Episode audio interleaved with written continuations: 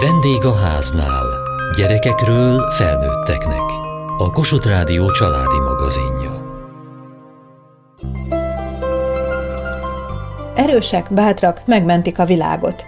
Ilyen típusú hősökkel találkoznak lépten nyomon a gyerekek, igaz jobbára a filmekben. De milyenek a hősök a hétköznapokban, és hol a helye a történelmi hősöknek a sok szuperhős között? Mit tartanak hősi estetnek ma a gyerekek? Miért hajlandók ők maguk áldozatot hozni? És mi a különbség a hősiesség és a hősködés között? Az a hős, aki megmenti valaki életét. Hát én azt tudom a hősökről, hogy nekik van a szupererejük, meg mesébe szoktam látni, hogy mindenkit megmentenek.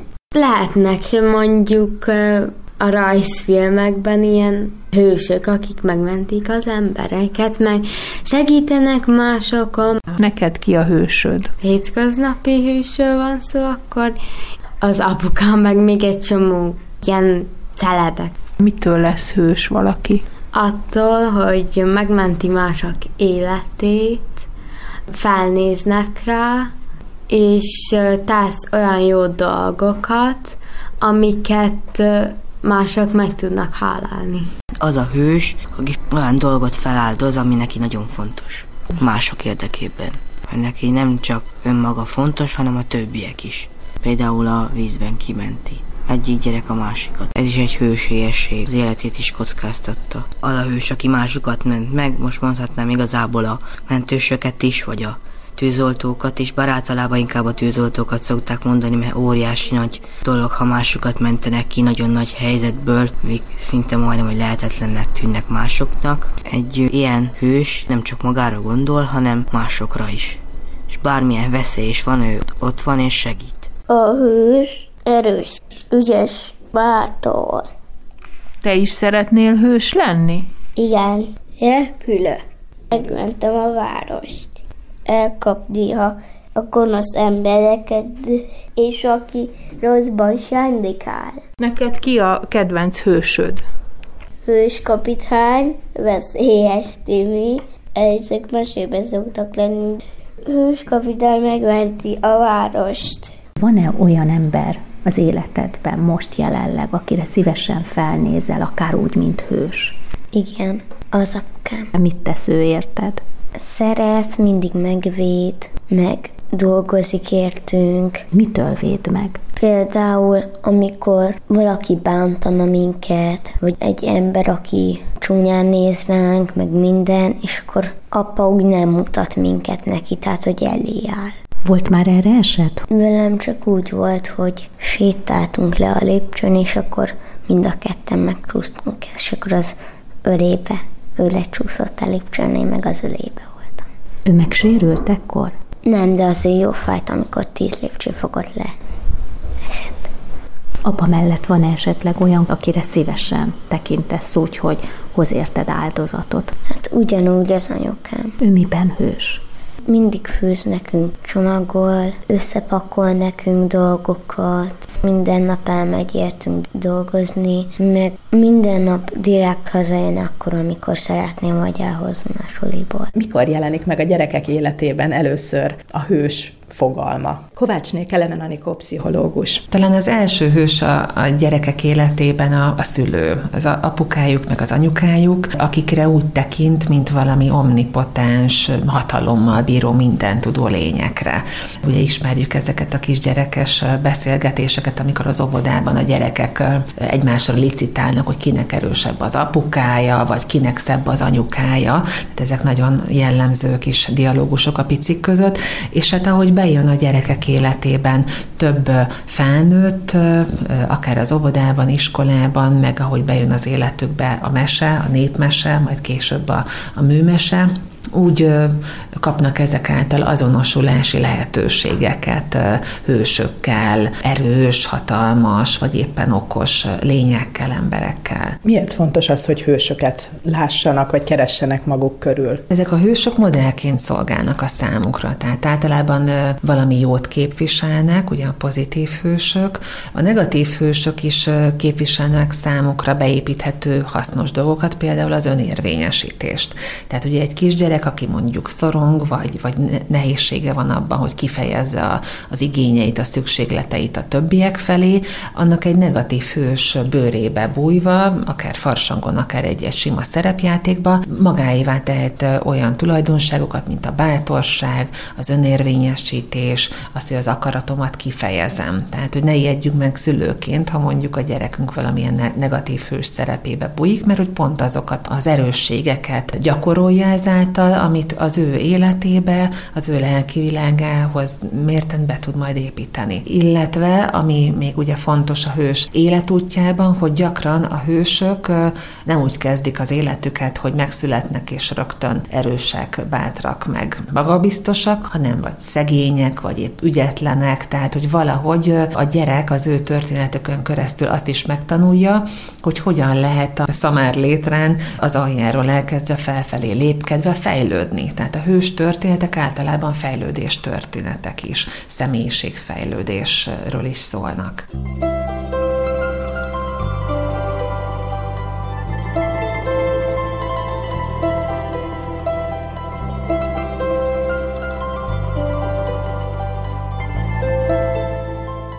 Pókember a hős. Ilyen városokat mentelnek.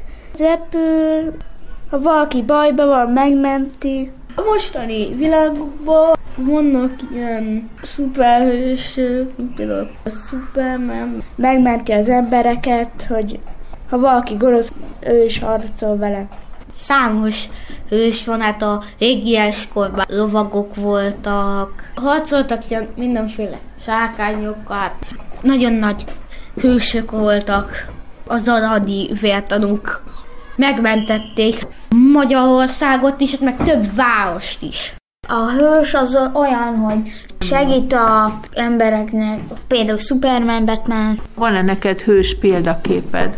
A Mátyás király. Azért hős, mert ugye háborúzott meg, megmentette ugye a hazáját. Milyenek ezek a hősök? Okosak, meg erősek, meg erősebbek, mint a normális emberek, meg az is fontos, nagyon fontos az, hogy a bátrak legyenek. Vannak amúgy hétköznapi hősök, mint például tűzoltók, mentősök, meg a katonák, meg a rendőrök. A tűzoltók azoknak nagyon nehéz, mert ők tűzbe mennek. Az életüket kockáztatják ők. Igazából nekem nincsenek ilyen hőseim. Én ebben annyira nem hiszek ebben a hősködésben. A hős és a hősködés az ugyanaz szerinted? Nem, a hősködés az az, amit magadért teszel, hogy megmutasd másoknak, a hősiesség az pedig valakikért teszed. Ha kellene egy történelmi hőst mondani, ki az, akire úgy felnézel? Szent Istvánra, mert ő nagyon sok mindent tette a haza érdekében. Ha modern hőst kellene mondanod, van-e modern hősöd? Nincsen, mert mostanában már nem olyanok az állapotok, mint régebben voltak. Mi kell ahhoz, hogy valaki hős legyen szerinted a te szemedben? Valami olyasmit kellene csinálnia, ami mondjuk nem csak egy pár emberért van, hanem mondjuk az összesért. És ilyen ember nincsen? Szerinted a modern történelemben, vagy a mindennapi életünkben? Biztos van, csak nem tudom. Szerinted az, hogy áldozatot hozol, azt nehéz megtenni másért? Nem olyan nehéz megtenni másért, hogyha azt az embert, akiért megteszed, azt szereted. De kiért tudnál áldozatot hozni? Családomért, meg a barátaimért. Milyen áldozatokat tudnál hozni? Ez a szituációtól függ, igazából bármilyet, hogyha olyan a szituáció. A barátnőmnek mondjuk rosszak a jegyei mondjuk biológiából, és nem tudja a következő dolgozatnál a kérdést, akkor mondjuk segítek neki, az áldozat pedig ebben az, hogy a tanár engem fog leszídni, hogy miért segítek a mellettem ülőnek. Például, amikor a Tomi eltör valamit, akkor, és anyáik mérgesek, akkor mondjuk azt mondom, hogy én törtem el azt a dolgot a gyerekközösségekben szükségszerűen kialakul a csoportokban az, hogy van hős, vagy vannak hősök, akikre a többiek felnéznek, akik esetleg olyan áldozatot vállalnak a többiekért, vagy olyan konfliktusokba mennek bele a közösségük kedvéért, amiben a többiek esetleg nem mernének. A gyerek azokkal a hősökkel tud leginkább azonosulni, akik nagyon erősek, nagyon bátrak, kimondják, amit akarnak, megszerzik, amit akarnak. Tehát azt, hogy áldozatot vállalok valakiért, az nem biztos, hogy mondjuk mondjuk egy pici gyerek észreveszi, vagy, vagy feltétlenül ez az, amihez ő hasonlulni szeretne. Talán inkább kamaszkor az az időszak, hogy a, már az általános iskola közepe fele jön el ez a fajta altruizmus vagy önzetlenség, amikor ez egy erény lesz a gyerekeknél, hogy, hogy én valamit teszek a közösségért, valamit beáldozok, valami eszmért, célért harcolok. Akkor már nem kötelező győztesnek lenni feltétlenül a hősnek, tehát árnyaltabb lesz ez a fogalom az ő fejükben. Igen, mindenképpen. És hogy talán a kamaszkor felé haladva ezeknek a példaképeknek vagy hősöknek inkább a, a belső tulajdonságai azok, amikkel a gyerek nagyban azonosul. Ugye kicsikorban, mondjuk óvodáskorban, pláne, hogy bejöttek ugye a mesefilmek, tehát a, nem az olvasott meséből szereznek hős mintaképeket a gyerekek, hanem a látott mesékből, ott pedig nagyon elviszi a fizikai tulajdonságok felé a mese a súlypontot, a lényeget. Tehát, hogy hogy néz ki az a hős, milyen a ruhája, milyen a haja, míg ahogy a gyerek érik, nyilvánvalóan inkább a belső tulajdonságokon lesz a hangsúly. Viszont az aradi vértanúk például, akik húsvérhősök voltak, az ő magatartásuk vagy viselkedésük, az ő sorsuk mennyire kerülhet közel a gyerekekhez ebben a szuperhősökkel körülvett világban? Azt érzékelem, hogy azért nehezem. Tehát, hogy nagyon jó történelem tanár vagy magyar tanár kell ahhoz, hogy a gyerekek akár megérintődjenek az aradi vértanúk, vagy, vagy ehhez hasonló történelmi dolgok kapcsán. Pedig pont egy nagyon jó azonosulási lehetőség, meg tanulságos történet ez, ami, ami a kamaszoknak is adhatna. Az a nehéz ebben, hogy, hogy ez egy tananyaggá vált. Ebből ők felelnek, dolgozatot írnak, és pusztán emiatt, hogy ez egy kötelező dolog, talán nem élik meg úgy, vagy nem érzik a magukénak ezeket a történeteket.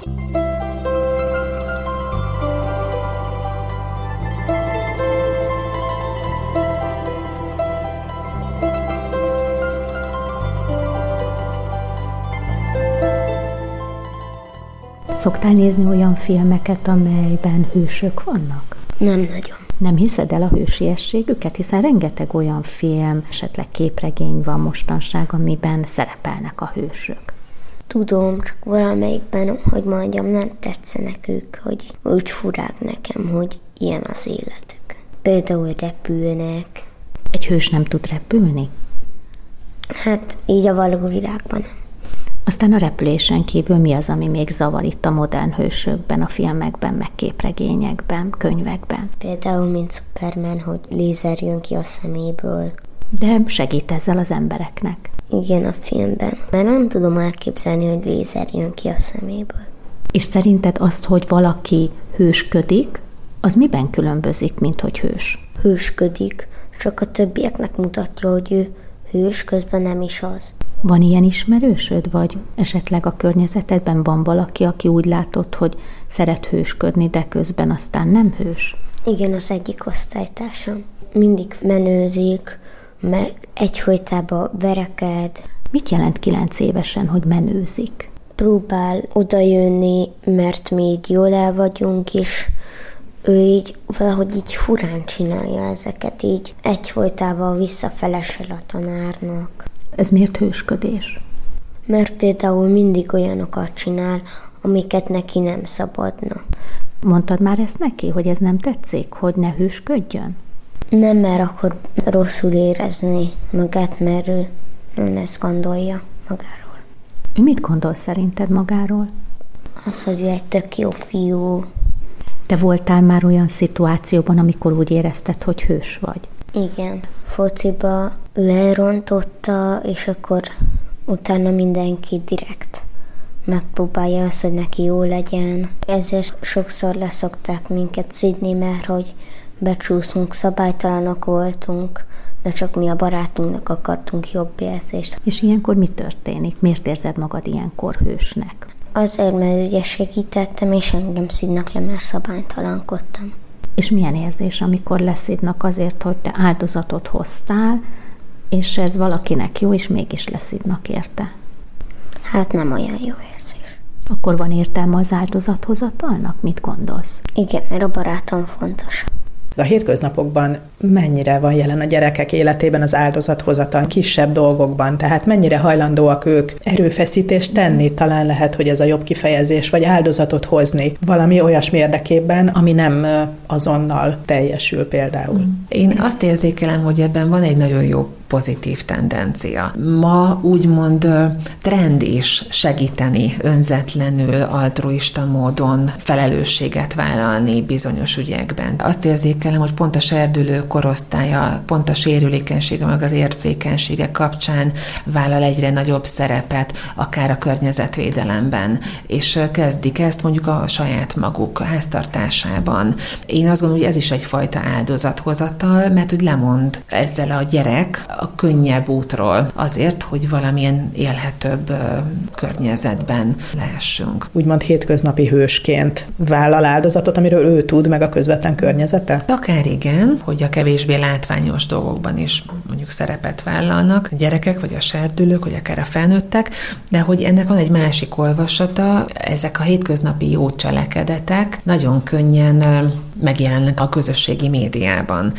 Megmentek egy kis állatot, akkor azt rögtön posztolhatom valamelyik közösségi oldalra, hogy mindenki lássa, hogy én milyen jó szívű vagyok. Tehát, hogy picit azt érzékelem, hogy ez így át is csap akár egy ilyen önfényezésbe, hogy én mennyire jó szívű vagyok, mennyire önzetlen vagyok, de azt gondolom, hogy amíg ez jó célt szolgál, addig olyan sokat talán nem árthatunk vele, de hogy, hogy nem valódi önzetlenségből segítek, vagy teszek jót, hanem azért, hogy ezzel lájkokat szerezzek, legyek, vagy a saját egómat erősítsem. A közösségi média valóban veszélyt is jelenthet. Terjednek a különféle extrém kihívások, hogy ki mit mer megcsinálni. Ezt mennyire tapasztalja, vagy mennyire látja a gyerek közösségekben? Igen, főleg a kamaszok körében népszerűek ezek a típusú játékok, a kihívások, amikor valamilyen veszélyes dolgot vesznek fel videóra, és azt posztolják utána. Azt gondolom, hogy ez nem, nem valódi hősiesség, nyilván ez arról szól, hogy ki mennyire bír vakmerő lenni, nem mozgatja valamilyen fontos cél. Ezeket a gyerekeket pusztán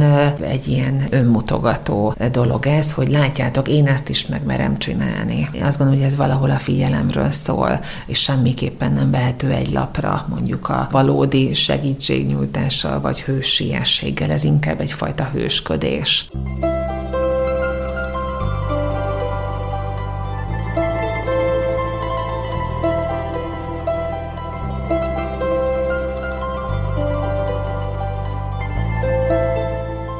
Hogyan emlékezünk a hősökre? Máshogy emlékezzünk, mint más emberekre? Nekik lehet szobruk, emlékük, például nagyon szép sírjuk meg. Nem csak a családjuk, hanem mi is emlékezünk. Egy egész ország emlékezik rájuk.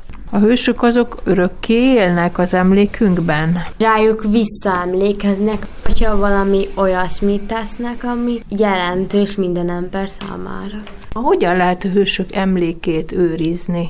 Úgy, hogy mondjuk lerajzolják, hogy a szobrát kőből lefaragják, vagy úgy, hogy, hogy egy emlékkőből ráírják, hogy ez a hős megmentette valakit meg. Hogy hozol mondjuk egy virágot, és ezzel leteszed a szobor előtt, és aztán úgy. Úgy, hogy mécseseket rakunk ki. Lehet felidézni őket, csodálatos dolgok, amiket tett, István király volt az, aki, aki ugye magyarrá tette Magyarországot, és mind megtett, hogy jó legyen ez az ország. Sok minden dolog volt, amit meg tudott tenni, hogy jobb legyen a magyaroknak a helyzete. Így is őrizzük meg az emlékeket, ha továbbadjuk a fantasztikus eseményeket, a hősies tetteket. Lehet ö, szobrokon ábrázolni, vagy síron, vagy esetleg múzeumban kiállítják, vagy esetleg mondjuk, mint ahogy a hősök terén is, ott vannak a honfoglaló magyarok, legnagyobb királyok, vezérek, fejedelmek, és azért hívják hősök terének. Mindenki tett Magyarországért, akár az életüket is áldozták, hogy jobb legyen Magyarország. Lehet tanulni a hősiességet? Kovácsné Kelemen Anikó pszichológus. Valahogy azt gondolom, hogy a hős történeten keresztül az egyik legfontosabb, amit, amit megél a gyerek, hogy reményt kap. Tehát, hogy lehetnek nehéz élethelyzetek, de azokat meg lehet oldani. És hogy akármilyen kicsi vagyok még, és gyenge vagyok még, eljuthatok valahova, fejlődhetek valahova. Hős történetek is fejlődés történetek legtöbbször. És ebben azért nagyon sok potenciál van, ebben erő van.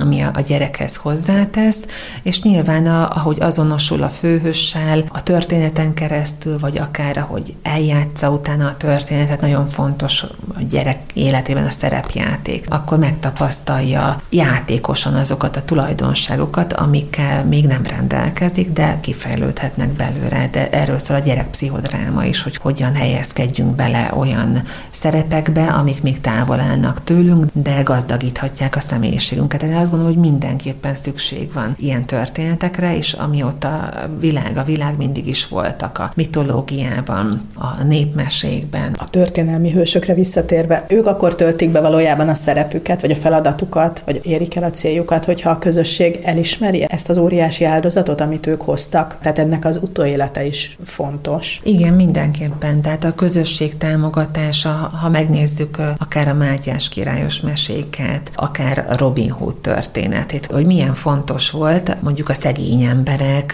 lelki érzelmi támogatása a hősök felé. Ebben a mai napig van egy nagyon erős megtartó erő, hogy azok az emberek, akik kiemelkedő munkát végeznek, vagy nagy áldozatokat hoznak fontos célokért, nekik ez egy ilyen érzelmi támasz, hogy megértik, elfogadják, támogatják őket. Tehát a magányos hős fogalma nem is annyira gyakori? Ez nagyon érdekes, mert ugye ez, ez egy, egy fogalom, ez a magányos hős, aki egyedül a világ ellen harcol. Nyilván erre is van egy csomó példa a mesékben, mitológiában, de hogy ami talán még gyakoribb, hogy a hősnek van egy segítőtársa, aki kíséri az úton, túllendíti a nehézségeken, aki támogatja. Ez nem úgy van, hogy valaki annyira szuper és annyira független és erős, hogy egyedül képes mindenre, hanem segítségre van szükség. És szerintem ez is nagyon fontos, mert sokan akár a való életben magányosnak érzik magukat, és sokszor nem hajlandóak segítséget elfogadni, kérni meg pláne. Ezek a történetek szerintem erre is megtanítják a gyerekeket, hogy igenis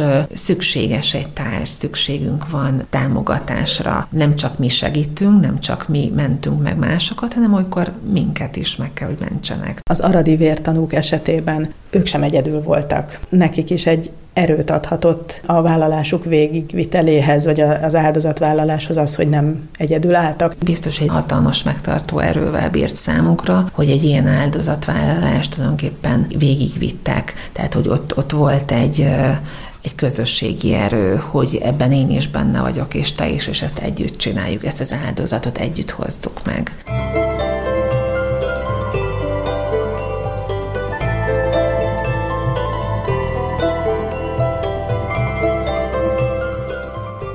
Mai adásunkban a hősiességről beszélgettünk. Kövessék műsorunkat podcaston, vagy keressék adásainkat a mediaclick.hu internetes oldalon. Várjuk leveleiket a vendégháznál kukac mtva.hu e-mail címen.